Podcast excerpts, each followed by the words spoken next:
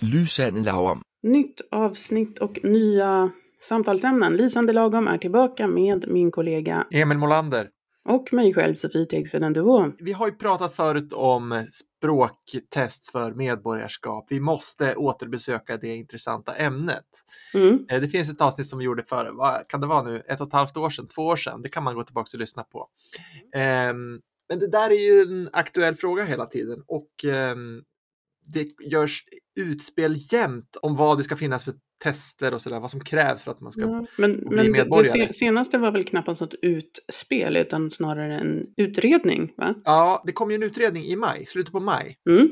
ehm, där man har liksom satt, tillsatt en utredare som heter Fredrik Fris, tror jag, som är jurist och han kollade då, ja, vad, hur ska vi göra för att ha ett prov för medborgarskap? Vi vill uppgift, uppgiften var väl att kolla ifall det hur språkprovet ska se ut och vad man ska ha för innehåll i ett kunskapsprov eller medborgarskapsprov. Mm. Eh, och det tyckte jag var ganska intressant att läsa och det, det har liksom stått så lite om det i nyheterna. Jag tror undrar om folk inte riktigt har fattat eller läst det. För han skrev, han sa ju då två saker. Det ena är att vi ska ha ett prov i samhällskunskap. Mhm. Eh, och, det, eh, och det har jag inte läst så mycket av eftersom det inte är min, min del. Men och det andra säger han att vi ska ha ett språkprov. Och så har han sagt hur det språkprovet ska se ut och det gjorde mig ganska förvånad. Mm. Det ska alltså vara på nivå A2 då enligt Europanivåns, Europarådets nivåskala. Ja, GERS och det ska vara enbart hörförståelse. ja. Det är så eh, väldigt konstigt och ovanligt. Man ska enbart testa hörförståelse. Mm. Och, Och på en ganska är väl- låg nivå också. Ja. Säga. Men tänker de flesta länder har väl, som har språktest, de ligger väl typiskt på B1-nivå tror jag. B1 finns, det finns även B2. I Danmark har man B2. Ehm, Va? Vem fan kan prata danska på nivå B2? Ja, det kan liksom? inte ens danskarna Nej. själva. Det är alldeles för svårt. Nej men, eh, nej, men precis. Man har satt nivån jättelågt för, för det första. A2 är, hur skulle du beskriva A2? A2, vad- nu kan jag inte deskriptorerna här, men, men, eh, nej, men man, man man kan ju ha, prata om, om liksom väldigt, väldigt kända, väldigt vardagliga ämnen. Man kan berätta till exempel vad man jobbar med, men inte vad man gör på jobbet. Man kan gå in liksom på en restaurang och beställa någonting, men man kan knappast klaga på att det inte var det man ville ha. Mm. Eh, Man kan ha liksom en, en samtal med en person som liksom anstränger sig för att prata liksom, eh, en tydligare svenska och in, inte liksom följa med i... Man kan inte sätta sig på ett mid- middagsbord till exempel och hänga med i snacket utan Nej. eh, man, pratar, man kan prata med liksom en eller två personer som, som verkligen liksom försöker anpassa sitt språk. Ja, jag tror att det finns en deskriptor på A2 som är att när du är på resa så kan du förstå eh, skyltar lite grann, du kan förstå lite information som finns, liksom Mm. utrop i någon högtalare på en tågstation till exempel. Eh, nej men precis, och det är ehm, det, är liksom en sak man kan prata om. Varför ska det vara på A2? Vad är då poängen med det? Alltså det, det, det är en så låg nivå så att om man kan den så be- betyder det nästan ingenting. Du kommer i alla Mm. fall inte kunna få ett jobb bara på A2 om det nu är det som liksom är Nej men precis, man kan, man, kan, man kan inte gå på ett utvecklingssamtal i skolan, som du säger, man, man kan knappast få något jobb överhuvudtaget på den nivån, man kan inte liksom, lösa praktiska problem med sin bostad eller någonting. Så det, det, är- det är ingenting som gör att man liksom blir en driftigare eller, eller nyttigare medborgare eller Mm. så. Nej. Men, men sen är det det här då att de har tänkt att man bara ska testa hörförståelse. Och det är ju liksom ganska djärvt och Mm. lite ovanligt. Jag tror inte det finns många medborgarskapstest som har enbart hörförståelse och en Mm. del viktiga språktest har ingen hörförståelseprov alls. Mm. Till exempel, vi har ju ett test för, eh, för eh, högskolestudier, alltså ett språktest som man måste klara för att få studera Mm. på universitet som heter TISUS. Och där finns det ingen hörförståelsedel. Mm. Och Men hörförståelsedelar, hörförståelse är liksom notoriskt svåra att göra bra. Mm. Men va- varför, varför tror du då att de har kommit fram till det här? Jo, men det står motiverat i utredningen. Mm. Jo, det är ju så här då att det är en fråga om resurser fram, först och främst. Mm. Alltså det är klart att om du vill veta om någon kan svenska så är det kanske bättre att personen får prata och skriva. Mm. Men, Men- Det, då måste man ha jättemånga eh, testledare. Ja, man, det tar ju lång tid att bedöma det, det tar lång tid att utföra det också. För om du ska göra ett muntligt prov så kan du inte ha liksom alla samtidigt. Utan Mm. måste det vara en i taget. Om man inte gör som det här eh, finska muntliga provet, Ja. det här semidirekta här när man ska prata med en inspelning. Det, det är ju för sig en väg att gå då. Men nej, men tanken är då, det här är resurssnålt. Man måste, vi måste liksom hushålla med statens pengar. Så vi ska bara göra eh, ett, ett receptivt test där man liksom kan svara på flervalsfrågor. Precis. Det Och går att rättas det vara- automatiskt. Ja, precis. Självrättande. Ja. Mm. Och sen en annan eh, motivering är att om man har en skriftlig del där man ska skriva så är det orättvist mot dem som är kortutbildade redan innan de kommer till Sverige. Mm. Ja men precis, det finns en, en slags, vad kallar du de låga förväntningarnas rasism där. Att man tänker, ja men det här med att läsa och skriva, det, det, det är ingenting vi kan förvänta oss av någon som kommer från ett annat land. Nej, just det, så att det, du, du, du tänker så. Aha. Mm, nej, ja, det är jag- inte jag- så ja. de menar. Men, Nej, men jag, jag känner det där liksom att nej men det, det, det är ju lite ja, ja, ja, ja, ja, nu spelar mina fördomar Jo, men- om svenskar in. Ja. Men, men det är ju, det är ju Alltså det, det är ju inte eh, låg förväntning på invandrare utan låg förväntning på kortutbildade invandrare i så Mm. fall. Det vore orättvist mot de som har kort utbildning som inte är vana att skriva långa texter. Och, och det, det kan man ju, det, kan- det kan jag hålla med om. Alltså om du har gått i skola eller har gått på universitet så är du van att skriva. Du är Mm. inte det så är det här med att skriva liksom en ganska hög, hög tröskel. Så, så, så, så att jag tycker att det är liksom en rimlig motivering. Ja, jag, tycker, jag tycker inte det. Jag tycker att alltså, om, om man ska liksom prata om vad, vad testet ger och sådär så tycker jag om man ska ändå testa A2-nivå då kan det vara väldigt bra att kunna kanske läsa, kanske inte någon skriftlig test där man måste uttrycka sig skriftligen. Nej, men och det är det kanske, de säger. Men kanske någon slags läsförståelse där man kan tolka instruktioner. För vårt samhälle är ju, bygger ju väldigt mycket på att man interagerar i, i, liksom det, i skrift. Ja, Via digitala tjänster med myndigheter till exempel. Alltså om du ska logga in på banken till exempel. Det är inte att du pratar med någon och måste förstå vad någon säger. Utan du ska ju kunna tolka en webbsida och liksom kl- klicka på rätt knapp. mm. Och då är det ju en läsförståelse man borde testa där. Och så, det är ju mycket skyltar och allt möjligt liksom som man, Ja. man måste förstå. men det har utredaren tänkt på. Jaså? Han Ja. skriver så här att jo men okej, läsförståelse, eh, det går ju också att testa, liksom. det kräver inte så mycket resurser. Det kan man också ha flervalsfrågor och så vidare. Man kan göra så att alla gör det samtidigt på en dator. Men han skriver att det ska ju också ha ett samhällskunskapsprov. Mm, Så där vi testar läsförståelsen indirekt där. precis. Men då, Då har de blir sagt att- den automatiskt på en högre nivå tänker jag. Nej, då har de sagt att samhällskunskapsprovet, det ska skrivas på nivå A2. Mm. Vilket liksom är en ganska stor utmaning att skriva ett, ett vettigt prov om Sveriges samhälle på samhällskunskap på nivå A2. Mm. Det blir, Är det blir Sverige- väldigt svårt. Ett land, en stad eller ett hav? Ja, det är ungefär Ja. så. Mm. Det är ungefär så man får testa. Så det är lite, där är han lite naiv tror jag på vad, vad, liksom, vad som är möjligt att göra på nivå A2. Eh, men det står också något så här att det ska kompletteras med någon ordlista med samhällskunskapsord som är svårare än nivå A2. Men liksom, Mm. ska du, hur ska du förklara de orden då? Liksom? Eller vad, vad, alltså det, det, det, är liksom, det låter sig inte göras att testa vad någon kan om Sveriges samhälle på någon vettig nivå på A2. Mm. Men det är liksom så som är tanken. Vi har hörförståelsen eh, i språktestet och läsförståelsen i kunskapsdelen. Det är också lite fräckt liksom att testa två saker samtidigt. För att Mm. om du säger att nu vill jag veta om du, vad du kan om Sveriges samhälle, ja då är det väl det du ska testa. Då ska du inte testa hur bra du är på att läsa också. Mm. Om det, är, om det är faktakunskaper sk- vi ska ha, då borde man ju egentligen för att liksom ta bort distraktorer, borde man ju göra det testet på vilket språk som helst. Du får göra det Mm. på, på ditt modersmål. Om det nu är kunskaperna som var det viktiga där, nej, då ska vi smyga in språket där också. Det tycker jag är lite småfräckt. Ja men precis, det, det, då handlar det alltså om att man testar både då eh, kunskaper och läsförståelse Ja, på temat samhällskunskap. mm. Som Precis. kanske i sig är mycket mindre relevant än att kunna liksom navigera i samhället. Ja, Som- eller förstå ett brev från skolan eller något Mm. sånt där. Mm.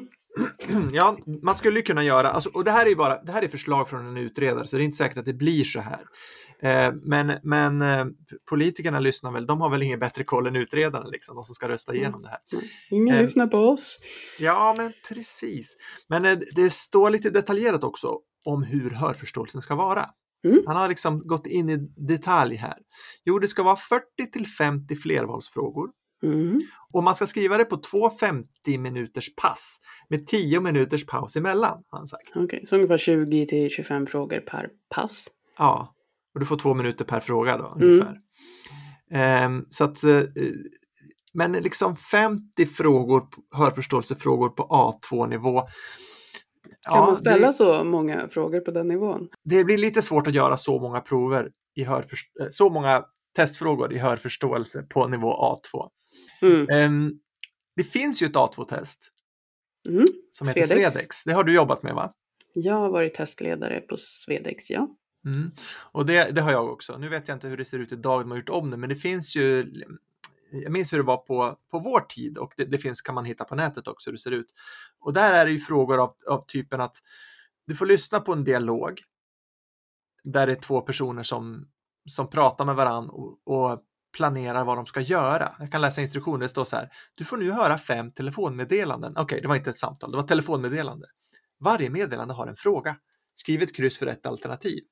Och så får man Mm. lyssna två gånger, man får 20 sekunder på sig att läsa frågorna och så är frågan, vad vill han göra? Mm. Och så finns det fyra bilder, den ena är några som står och tränar, den andra är några som jag tror sitter på café, sen är det några som är på teater och så är det en som är och handlar. Mm. Och hur kan det meddelandet låta då? Ja, jo, men det kan, of, ofta så är det ju liksom att man säger, ja men jag vill inte träna utan jag vill gå och fika istället. Och då ska man kunna höra då att även om man hörde både ordet träna och fika så är det Mm. fika som är rätt. Mm. Men eh, alltså det handlar ju om att liksom snappa upp vissa nyckelord liksom i en dialog. Ja, precis. På den här nivån så är det ju inte att förstå liksom helheten i det som sägs utan att det är att kunna lyssna efter nyckelord och, och fatta vilket nyckelord som var det viktiga. Det finns en annan som är när är doktorn tillbaka? Är det 24, 25, 26 eller 27 mars? Mm. Ja, då lär de väl säga så här. Ja, det här är från eh, från eh, vårdcentralen. Vi har en tid bokat till det här den 25 mars, men tyvärr så kan doktorn inte. Han kommer istället på torsdag den 27 mars. Mm. Kan du då höra av dig till mig? Ja, Exakt, och då ska sånt- man ju, man hör både 25 och 27 men ska höra att ja, men det är 27 det är det som hänger ihop med det som ja frågan var. Precis. Och, och man försöker ju, man vill ju gärna göra i en hörförståelse någon situation som är realistisk. Mm. Så därför är det ju oftast kanske numera inte så här att du får lyssna på två som pratar och vad pratar de om, eh, som jag råkade säga här i början. För att det är lite ovanligt att man är i en sån situation när man testas så, utan det är oftast meddelande, eh, Mm. även radioprogram kan det vara. Ehm, eller så här utrop på någon station, så här, tåget till Malmö avgår klockan 18.32 Mm. sånt. Så att det blir, ehm, det är ju ganska låg nivå. Det är väldigt låg nivå. Som sagt, eh, ingenting som man liksom, man, man testar inte om någon kan försörja sig genom att jobba på svenska till exempel. Nej, Och, oavsett vad man tycker om den idén så, så kommer man inte Ja. åt de, den liksom problematiken. nej, och det kanske är viktigare till exempel att kunna, när det gäller just hörförståelse, att om de ringer dig från, från Försäkringskassan så ska du kunna förstå vad de säger och kunna prata med dem. Mm. Så, så det finns ju en risk att, man, att de gör något sånt test här. Vad, vad säger handläggaren här? Men, men man ska ju kunna svara också. Ja, helst. precis. Eh, Så att det är ju, det vore ju kanske rimligare med ett muntligt test. Så att det är ju lite spännande på något vis att man har valt det här. Vi får se om, om det är så det blir också till slut. Det känns lite svajigt. Det känns som att man, det känns inte som att det är så liksom god validitet om man får säga så. Att liksom de som klarar det här, eh, ett A2-prov på hörförståelse, vi kan inte veta att de är liksom de bästa medborgarna, eller vad det nu är. Vi, vad, är det, vad är det vi är ute efter? Vi, vi vill få de som klarar av att sköta sitt liv i Sverige, om vi säger så. Ja, men det, det är inte väl, säkert att de som klarar det här är de som kan det bäst. nej men precis, det, det finns inga, inga korrelationer där alls. Ja, man, kan, man kan ju testa fram det, så här, när man har gjort det här med 200 pers, då kollar man efter några år, hur gick det för dem då? Mm. Var det här de som klarade sig eller var det inte det? Så jämför man med de som inte klarade provet. Det är ju, men det, det, sannolikt så får man inte fram det på ett sånt här litet hörförståelsetest. Ja, vi är skeptiska. Men vad tror du om eh, det här samhällstestet då? Samhällskunskapstestet. Ja, det står ju att det ska, det ska handla om de här sakerna. Det är eh, åtta punkter. Att Mm. komma till Sverige, Att komma att bo Sverige. i Sverige, att försörja sig och utvecklas i Sverige, individens rättigheter och skyldigheter, att bilda familj och leva med barn i Sverige, att påverka i Sverige, att vårda sin hälsa i Sverige och att åldras i Sverige. Mm. Så redan då på A2-nivån så förstår man inte de där eh, punkterna. Individens rättigheter och skyldigheter. Nej, det går inte att förklara de orden knappt med Mm. ett A2-ordförråd. Mm. Mm, Nej, men eh, det var, det var lite kul, för jag, jag har ju en, en man här, han ju faktiskt sökt för att bli svensk medborgare, men har inte gått igenom, men jag tror jag väntat två eller tre eller fyra år nu i alla fall. Mhm. Men, eh, men han blir ju liksom lite upp, upp, uppvarvad här när man börjar prata om samhällskunskapstest och sa, ja men gud, nu måste jag börja plugga svensk historia. Och liksom fråga, började fråga ut mig så här, liksom, vil, vilka slag har liksom, ska, man, ska man ha koll på, vilka regenter och så vidare. Och, och, och jag liksom bara tittar på honom och vad, vad, vad, vad, liksom, vad snackar du om? Det här är, kommer absolut inte ha något med historien att göra. Men han bara, men det är klart det kommer ha. Vad är det liksom annars som skulle vilja veta? Och det där är ju Ja. lite talande då om, om liksom vår självbild och, och precis som du, du, du läser ju upp där, om liksom man ska påverka samhället. Det här är ju frågan, liksom, Ja. hur, hur gör du för att rösta? För det, jag tror att vår självbild handlar ju väldigt mycket om det här att vi är en demokrati och nu när Mm. ni kommer hit så är det liksom väldigt viktigt att ni deltar i den här demokratin och liksom hjälper oss att hålla uppe den, den bilden av vårt land. Liksom. Och sen Mm. skiter vi liksom, vad, Ja, historia är ju fullständigt oviktigt, tycker väldigt många. Mm. Eh, det, det är liksom en sån där grej som jag tycker är konstig och lite osmaklig med Sverige, att så väldigt många tycker att, att liksom historia är totalt meningslöst. Jag hade en kurs i historia för några utlandsfödda och då var det en som sa att ja, min svenska sambo, hon, hon skakar bara på huvudet, hon fattar inte varför vi ska hålla på med det här. Hon tyckte det var totalt meningslöst. Och det, det är väl det också för, för väldigt många. Väldigt, det är väldigt många som inte kan ett enda dugg om svensk historia. Eller säg Gustav Jag, Vasa så jag, ska de räcker placera upp, det jag i räcker tid. upp en osynlig hand här. Jag kan ingenting. Men jag vet att franska revolutionen ägde rum 1789. Ja, just det. Mm. Och vet du vilket århundrade Gustav Vasa levde? Ja, men det var ju på 1500-talet. Ja, du ser, du kan ju lite. Ja, mm, en Och del. Gustav den tredje då? 1700-talet. Ja, ja. Ja. men du ser, du kan visst lite. Mm. Men gräv inte djupare än så. Nej, okej. Varför tror du att svenskarna är så väldigt ointresserade av historia? tror att som det svenska samhället ser ut idag så, så har, ser vi oss själva som en väldigt liksom, modern nation och vi tycker att liksom, vi har lämnat ganska mycket bakom oss. Om man tänker på 30-talet eller när det var när man skrev den här boken om Lort-Sverige så gick det ut på att liksom, Sverige var en ganska liksom, hemsk och smutsig plats och människorna var ociviliserade och så byggde man upp välfärdsstaten, man ordnade liksom ordentliga bostäder åt folk. Ehm, Mm. och då ser vi liksom inte tillbaka på historien som någonting som vi är stolta över, utan vi är stolta över det som vi har nu, det som vi har byggt det sen- senaste århundradet. Och jag tror att Mm. det är, det är ingenting liksom vi identifierar oss med så mycket, liksom 1700-tals Sverige, för det är nästan synonymt med lort-Sverige på något sätt. Vad tror du Emil, Just som är det. mer, mer historiskt kunnig? Ja, det vet jag inte är, men, men, men jo, jag tror också det. Så vi, vi, vi, eh, det högsta i Sverige är att vara modern. Det är Mm. väldigt dåligt att vara omodern. För omodern kopplar vi till- det här som du säger, det så kallade lort-Sverige som det skrevs en bok om. Och, men det är ju, det borde ju kunna gå att ha både det och någon sorts liksom, historisk koppling. Jag tror att kanske skälet är att vi, att nationalism är så väldigt fult i Sverige. Mm, Alltså vi, för att om jag tänker på min farmor som föddes 1907. Hon, hon, eh, hon var ju full av liksom såna här Eh, liksom nationalistiska sånger och fraser som hon hade lärt sig i skolan. Jag är så glad att jag är svensk och den här min far han var en ung soldat och i 15 år gevär han tog och så vidare.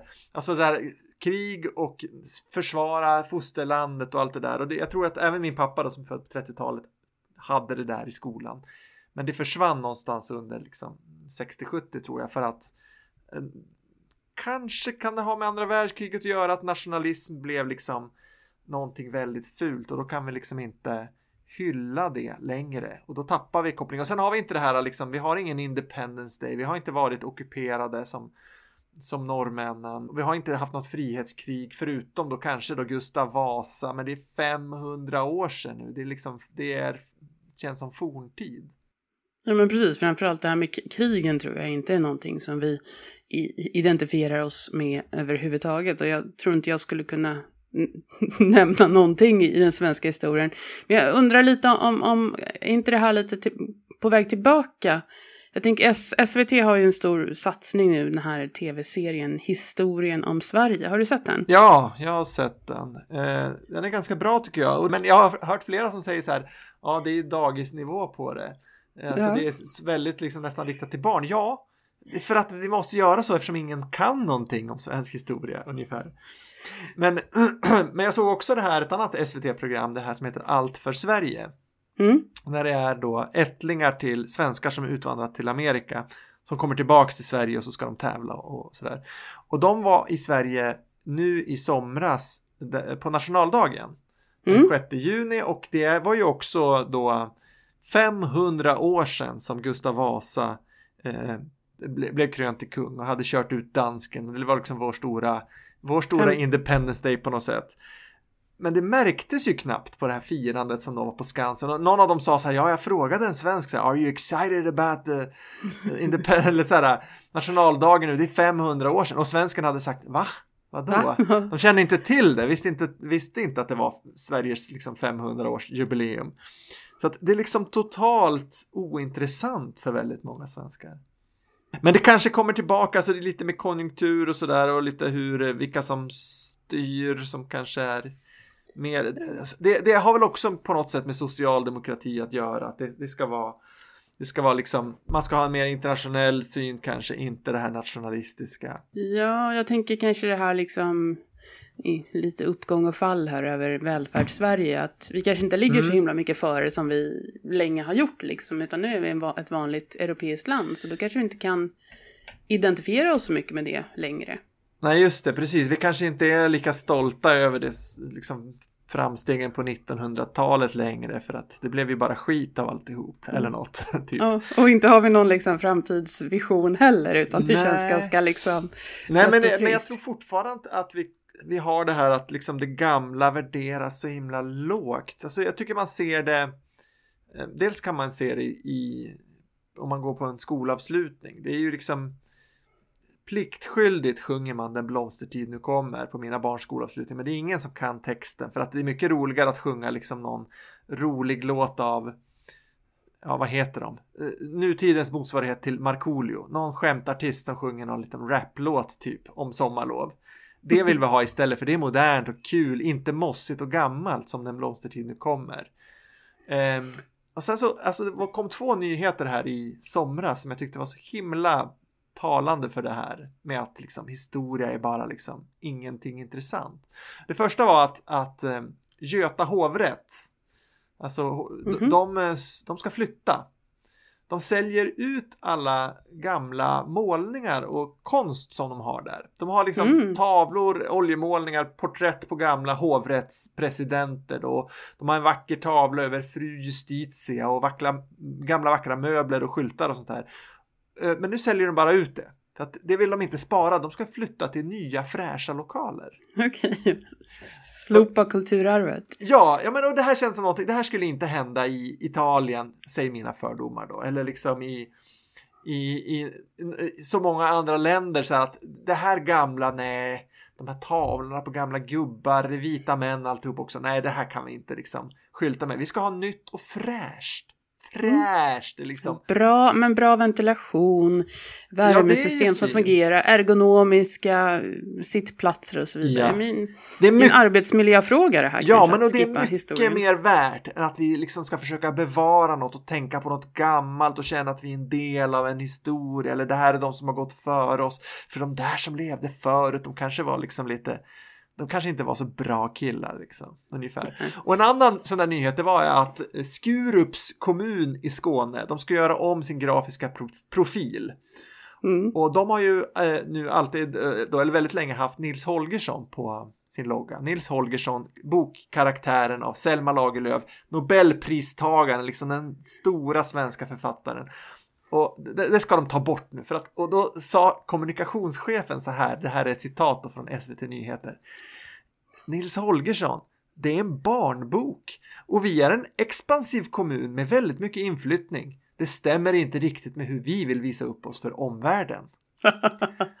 ja, precis. Det, det, det, passar inte. En liten fånig ja, ja, men alltså, Nobelpristagare. Alltså, det är en barnbok. Nils Holgersson, det är bara en barnbok. De här um, porträtten på liksom, för, det, det, är bara en tavla, det är bara någon kludd, någon målning. Vi kan lika gärna göra något nytt, det är precis lika bra, eller bättre förmodligen. Vi måste anpassa, vi måste vara moderna, inte hålla kvar liksom vid det här gamla. Men, men samtidigt finns det ju en, en, en liksom, ett, ett tillfälle när vi inte vill vara moderna utan vill liksom sträva bakåt. Kan du tänka på vad det är? Eller kan, uh, tror du, vet du vad jag tänker på? Nej, det vet jag inte. Nej, men jag tänker på alla de här liksom traditionerna när vi ska fira jul eller midsommar eller mm. kräftskiva eller vad. Alltså vi, vi lajvar ju liksom 1800-tal gärna. Liksom man, man vill ha tända ljus istället för lampor och man sitter och pysslar liksom och knåpar och stöper ljus och ja. gör... Jag, jag, jag tänker, jag har ju bott i Storbritannien och då var det liksom julen, det var liksom glitter och flärd och fester och man liksom var glad och spelade rolig musik. Och så i Sverige så är det lite så här smådystert liksom och det är en massa halm och...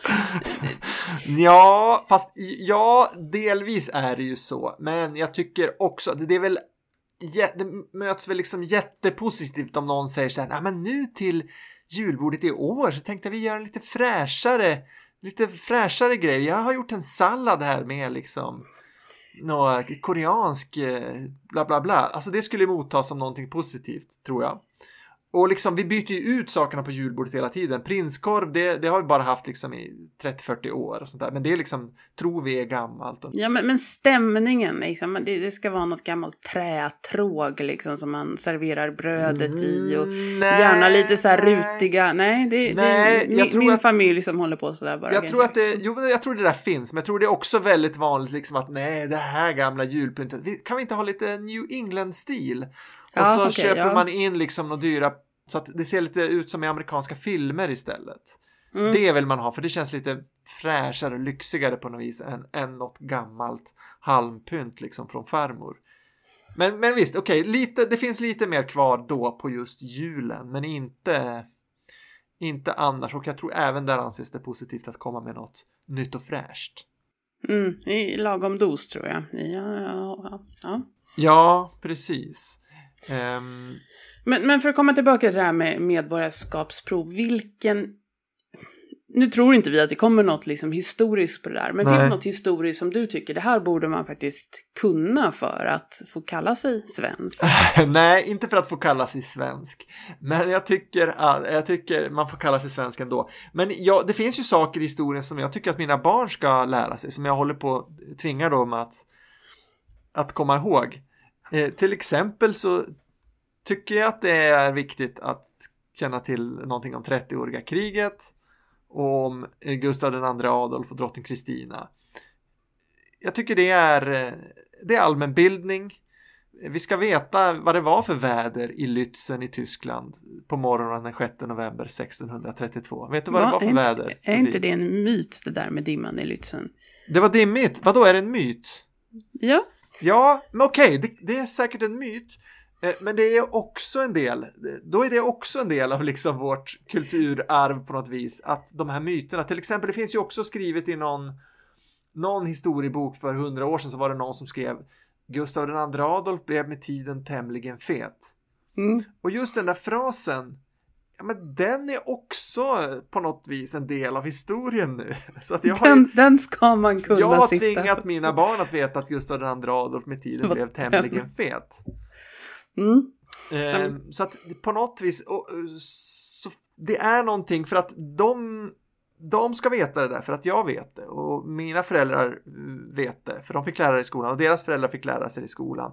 Alltså det finns någonting i det som ändå är värt något. Och säger man det till eh, en svensk på gatan så kommer de tycka att man är kanske sverigedemokrat eller nazist eller någonting. Eller så här, fan vad tråkigt. Det här är, det är mycket bättre att tänka på min resa till New York istället eller någonting. Ja, fast jag vet inte om jag kopplar ihop det med, med eh, Sverigedemokraterna. Jag tänker mer att det är lite elitistiskt här, att man ska hålla på, koll på liksom någon gammal kungalängd och sådär.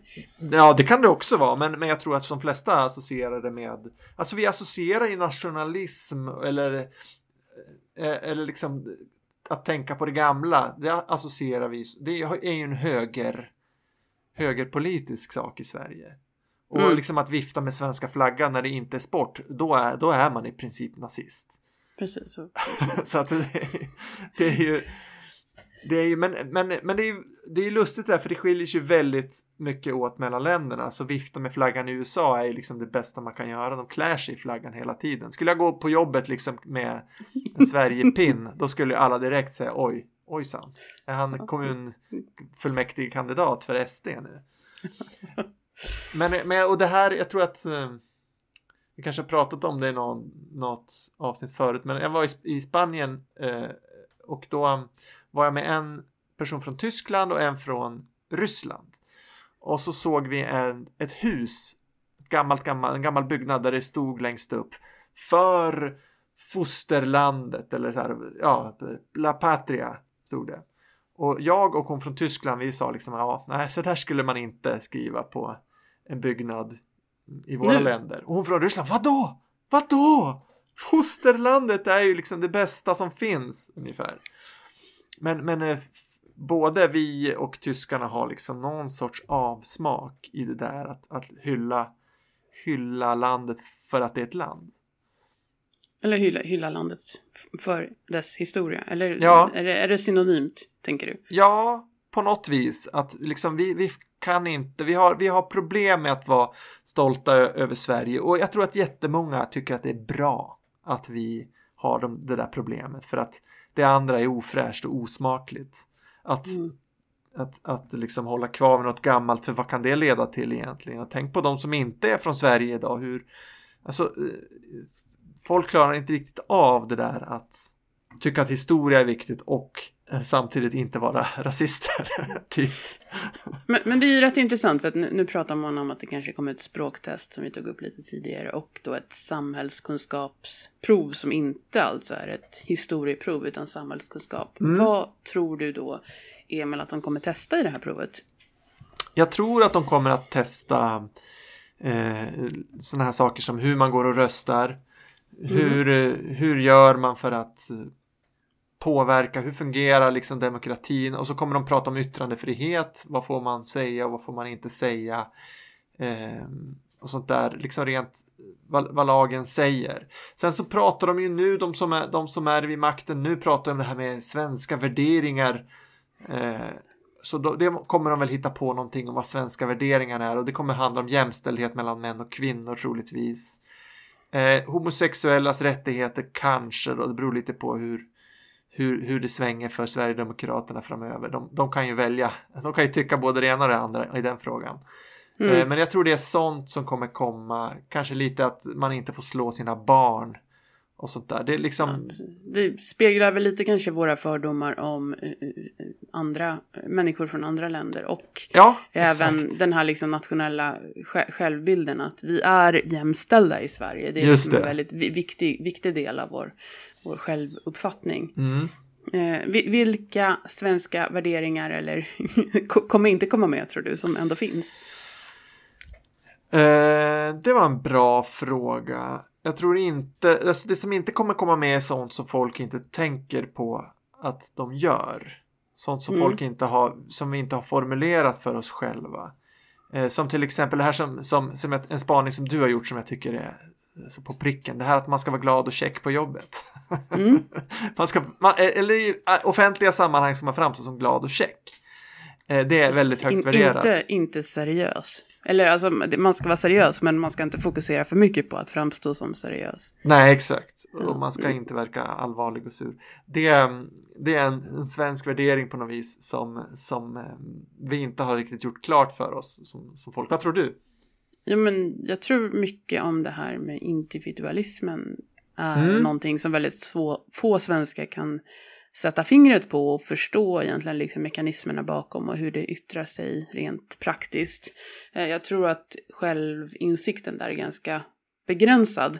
Även kanske till och med, jag, jag minns att när de gick ut här för några dagar sedan eller några veckor sedan och sa att de skulle testa svenska värderingar, då tänkte jag, de vet inte vad de pratar om. Eh, och då tänkte jag lite Mm. på det, liksom det här att, eh, eh, alltså som, vad ska man säga, som ung människa eller, eller vilken människa som helst, att man ses som en individ eh, och kanske liksom inte en, en, en del av en familj. Eh, alltså, jag har varit med i vissa sammanhang man ska prata om liksom svenska barn och, och liksom vilka rättigheter de har. Och då har man utgått från, även om det här liksom var någonting som riktade sig från liksom, Sverige mot eh, föräldrar från andra länder, då utgick man liksom från FNs barnkonvention och försökte liksom Mm. motivera hur det svenska systemet utifrån detta. Eh, men då missar man liksom ett väldigt viktigt steg och det är liksom den svenska kanske tolkningen av barnkonventionen Ja. och att man liksom höjer verkligen barnen som medborgare, som enskilda individer och inte liksom en förlängning av, av föräldrarna.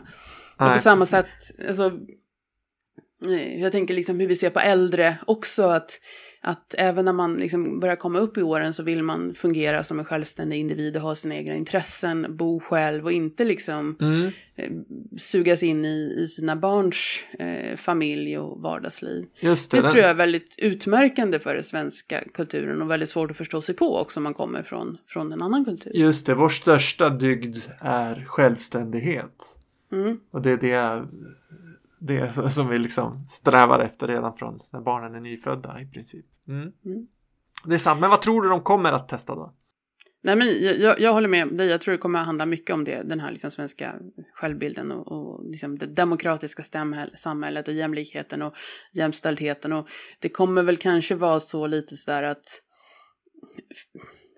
det kommer handla väldigt mycket om ideal snarare än, än kanske hur, hur man upplever verkligheten. Jag, jag tänker liksom, alltså man, man, som, som, som en tanke, eh, att testa liksom, om jag skulle flytta till Saudiarabien liksom, då skulle jag, och göra något test där, då skulle jag behöva ställa upp liksom på, och lära mig om, om liksom deras eh, samhälle och deras värderingar. Och, och, och jag tror inte jag skulle ställa upp så mycket liksom rent vad ska man säga, personligt på att tycka att Mm. allt är rätt där. Men jag skulle behöva plugga in det där. Ja men, ja, men de tycker liksom att det här är ett jättebra samhälle och mannen tar hand om kvinnan eller vad de kommer ihåg. Och så man liksom memorerar det och tänker, ja men det, är- det är det de vill att, att man ska Ja, kunna. Och det blir väl likadant här tänker jag, att den som ska göra det här testet, de får liksom lära sig vad rätt svar är. Ja. Eh, Jo. även om det inte alltid, ja. Jo, men det kan ju inte vara på något annat sätt heller. Man kan ju inte tvinga någon att tycka någonting.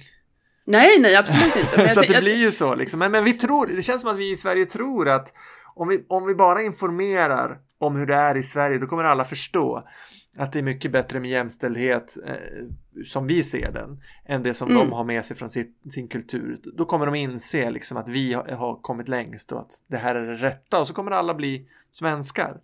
Precis, men jag tänker, jag, jag, tror väldigt ofta när jag har den här diskussionen med kvinnor från Östeuropa, för i nästan alla östeuropeiska länder och även i Ryssland om jag minns rätt, så alltså om man tittar lö, lönemässigt så har kvinnor i genomsnitt högre lön än män, vilket inte är fallet då i Sverige. Och, och, och de blir väldigt provocerade då att, att liksom, vi pratar så mycket om vår jämställdhet och det är så himla bra etc. Men vi liksom struntar i den där lilla frågan som de tycker är väldigt viktig. Ja, just det. Så då kan det vara svårt för dem, tycker jag, tror jag, att liksom... Eh, eller vad ska man säga, när, när de sitter och svar, svarar rätt på den frågan så känner de sig lite som en bluff, tror jag. Men det kanske är bra att eh, få den insikten att Ja, men precis, det här är den officiella bilden, det är det här vi tycker om, om vårt samhälle. Ja, Men- men- och jag menar, men, nej, det var inte det jag tänkte på, utan att ja, dels det, men också att i Sverige så handlar det om att säga rätt sak också, men du kan egentligen tycka något annat. Mm, det är väldigt viktigt. Men, men, men vad tycker du ett sånt här test borde testa? Om, om du fick designa det själv. Ja, det är en väldigt bra fråga. Jag kan inte svara på det. Jag kan säga vad jag tycker att språktestet borde vara kanske. Men eh, liksom medborgarskaps, samhällskunskapstestet, det är mycket svårare. Men det, det är klart, det, det är jättebra om folk verkligen på djupet kan förstå hur yttrandefriheten fungerar. Mm, För det tror jag många inte har fattat. eh, Om vi tänker på det här med koranbränningarna och det att och, och att hur fri press fungerar. För det verkar som att många tror att det som skrivs i svenska tidningar det är Sveriges officiella Mm. officiella uttalande från Sverige. Att, att allt som skrivs kommer från, från liksom regeringen på något vis. Eh, för att eh, eftersom i många andra länder så styrs pressen av den rådande makten. Men det är ju inte så här. Vi har faktiskt en fri press. Och det tror jag folk eh, som kommer från, från diktaturer har svårt att greppa. Eh, så det, det, är väl jättebra om man, kan, om man kan få en ökad förståelse för det. Men sen är det inte säkert att ett test bidrar till det. Och det är kanske inte rätt form för att, för då kanske man tolkar det som en del av liksom, statens försök att liksom kontrollera Just det. någonting. Ja, ja. exakt. Nej, men jag, jag tänker annars mycket på det här liksom som får en att passa in eller liksom få kontakt med, med liksom vanliga människor. Jag Just det, att trivas. Det, det, som får en att trivas kan ju vara bra. I, I, Sverige, och jag tänker en, en, sak som jag märker mycket med folk från andra länder. När man ska beskriva vart någonting ligger eller var någon bor. Mm. Så utgår man, om man kommer från ett annat land, om jag generaliserar, så brukar man hänvisa till närmsta stad. Eh, och det gör vi inte i Sverige, utan vi pratar väldigt mycket om landskap, om man liksom inte bor i själva staden. Mm. Um, man bor i Sörmland eller Skåne eller i Norrbotten eller i Värmland och mm. dialekterna är också knutna väldigt mycket till landskapen och inte städerna som det är till exempel i Storbritannien. Just det. Um, så det skulle jag nästan liksom, test på svenska landskap. Och det känns också som att det, det, är en väldigt lätt sak att testa så här namngeografi. Det är antingen rätt eller inte rätt. Och det, ja. det är ingenting, det, vi testar inga värderingar eller liksom något subjektivt. Man behöver inte låtsas någonting, utan Dalarna ligger där Dalarna ligger. Liksom. Det. skulle jag känna, det skulle kännas meningsfullt. Och sen där, också det här. Men vänta, ja. får jag säga en sak om det där? Det ja. där är ju intressant, för att det där är så väldigt symboliskt också för, för vad vi, för, förmodligen kommer de inte testa det. Utan Nej. de kommer kanske, på sin höjd i så fall skulle de ju testa regionerna. Mm. Som, är, som är liksom den officiella och administrativa indelningen av Sverige. Landskapen är ju det som vi Alltså vi identifierar, identifierar oss med, med landskapen, förutom just Norrbotten och Västerbotten ska sägas. Eh, men eh, vi identifierar oss med landskapen och det är där vi har liksom vår kulturella identitet. Men Sverige styrs inte utifrån landskap utan från regioner eller som det hette förut landsting. Det, det, där är en bra symbol för att man borde kanske testa det som vi kulturellt identifierar oss med, men man kommer testa det administrativa. Precis. Vem, vem säger liksom jag bor i Örebro län? Det, det, det, det finns liksom inte. Nej, eh. men, men alltså just de, de västerbottningar som bor i landskapet Lappland, de, de säger att, alltså man är från Vilhelmina, då säger man att man tillhör Västerbotten. Mm. Har, jag, har jag märkt, och jag tror det är samma i, i den norrbottniska delen av Lappland. Lappland är ju delat i två. Ja. Så att jag tror att det, det där i just, i just Lappland så har jag hört och läst att man inte identifierar som just landskapet. Um, vad jag tänkte på också är, jag, jag tycker att man ska testa eh, svenska växter. Jag Jaha. att svenskarna har en väldigt, väldigt stark, eller liksom en relation till naturen som, som eh, väldigt liksom, vi, vi, tänker inte på de här liksom slagen och krigen och kungarna, utan liksom, när vi tänker Sverige, då tänker vi en stor granskog. Liksom. Vi har en väldigt mm. intim relation med naturen och jag tror de flesta svenskar kan identifiera en gran, en tall, en björk. Eh, mm. Eh, vi har lite koll på några blommor och där tror jag liksom, där tror jag på något sätt att man kan få en uppfattning om åt vilket håll sen man ska liksom tänka när man utvecklar sin egen relation till Sverige. Man får titta på en bild, liksom. ja, men vilken av de här är en gran, vilken är en björk, vilken är en maskros, vilken är en blåklocka. ja. det, det, tror jag kan liksom hjälpa en att komma in lite i den svenska folksjälen. Ja, ja det är mycket möjligt alltså. Um, jag kan tänka mig att i, i Frankrike skulle man testa eller man skulle behöva läsa kanske någon roman eller något diktverk av någon känd. Alltså, de har ju no no no någonting som kallas för La République. Ja. Eh, och det är ju liksom deras, vad ska man säga, story, det är deras narrativ eller någonting. Och det, det. det, är ett, det är ett ämne som man läser i skolan och lite liksom motsvarande den svenska samhällskunskapen men väldigt alltså det, Nationalistiskt. jag tycker det är, ja, det är väldigt nationalistiskt, väldigt mycket propaganda. Och då får man lära sig liksom de här värderingen eh, som fraternité, liberté, whatever. Eh, och liksom väldigt mycket om vad man själv som medborgare har för plikter mm. eh, gentemot liksom, staten. Jag tänker, jag har haft, haft en diskussion där också om liksom, barnens relation till, för det är ju också liksom, det, det är ett välfärdssamhälle, det är en stat där man, man hjälps åt. Att i Sverige så ser vi barnen, de är ju liksom medborgare från starten. Mm. Eh, men, men i Frankrike så, så fostras man till eh, medborgare via skolan genom att ha det här ämnet, eh, som jag inte kommer ihåg vad det heter, som handlar Just om det. La République, när man får liksom lära sig om eh, ja, plikterna och liksom hur det fungerar och vilka värderingar man ska ja, ha och sådär. Just det. Ja, nej det har vi ju inte i Sverige och det skulle kännas konstlat om, men det kan ju hända att Sverigedemokraterna kommer införa det för att de tycker att vi ska vara nationalister. Men det skulle kännas väldigt konstlat och, eh, eller hur? Och liksom, ja. jag har inte den där känslan. Men, men visst, om man pratar om naturen istället, då kan vi känna det där. Som fransoserna kanske känner när de pratar om republiken. Jag tror det. Jag tror att där på något sätt vi kan mötas i naturen. Jag tror att eh, jag och en, liksom, någon, som, en, någon slags politisk motståndare eller vad som helst, liksom, vi kan ändå sätta oss ner liksom, i ett litet naturreservat och en grillplats och grilla vår lilla korv tillsammans och ja. Ja, kommentera på fågellivet och att liksom, nu är hösten på väg eller vad det är. Där, där finns det någonting som vi har tillsammans. Just det. Det är det som är Sverige. Det enar Sverige tror jag. Just det, ja men det är ju ett argument kanske då för att vi ska vara rädda om vår miljö. Ja. så ja, men nej men för jag tänkte just litteratur, det finns, jag kan inte komma på någon svensk litteratur överhuvudtaget som man skulle kunna testa som att det här, alla måste känna till den här för att... Ja, det är inte Nils Holgersson i alla fall. Definitivt inte. men, men liksom, vi, vi, vi, har ju, de flesta är ju, när man har diskuterat det här med om man ska ha en litteraturkanon som liksom alla måste ha läst så är, så är väldigt många motståndare till det. Mm. Eh, det finns att, ju något för det känns också lite ofräscht och mossigt och, och, och lite så här obehagligt på något vis. Eller hur? Ja, fast jag, jag har inget emot att protestera på sånt för jag briljerar lite med mina kunskaper. Precis. Nej men, nej, men jag kan förstå, det, det kan ju vara väldigt svårt att göra ett urval. Jag tänker att de, de kommer ju att väldigt, väldigt svårt att göra ett urval som också reflekterar den svenska jämställdheten. Att det, eh... Ja, hur menar du då? Kvinnliga författare? Jag tror att det kommer vara svårt att hitta liksom, eh, lika många kvinnliga och manliga författare som ska representera den svenska litteraturen. Ja, men då har, då har Nils Holgersson ändå en plats där, för Selma Lagerlöf är ju en kvinna. Äntligen stod prästen i predikstolen. Skurups kommun, ni måste tänka om. Det här, Selma Lagerlöf är framtiden. Selma Lagerlöf är framtiden, absolut.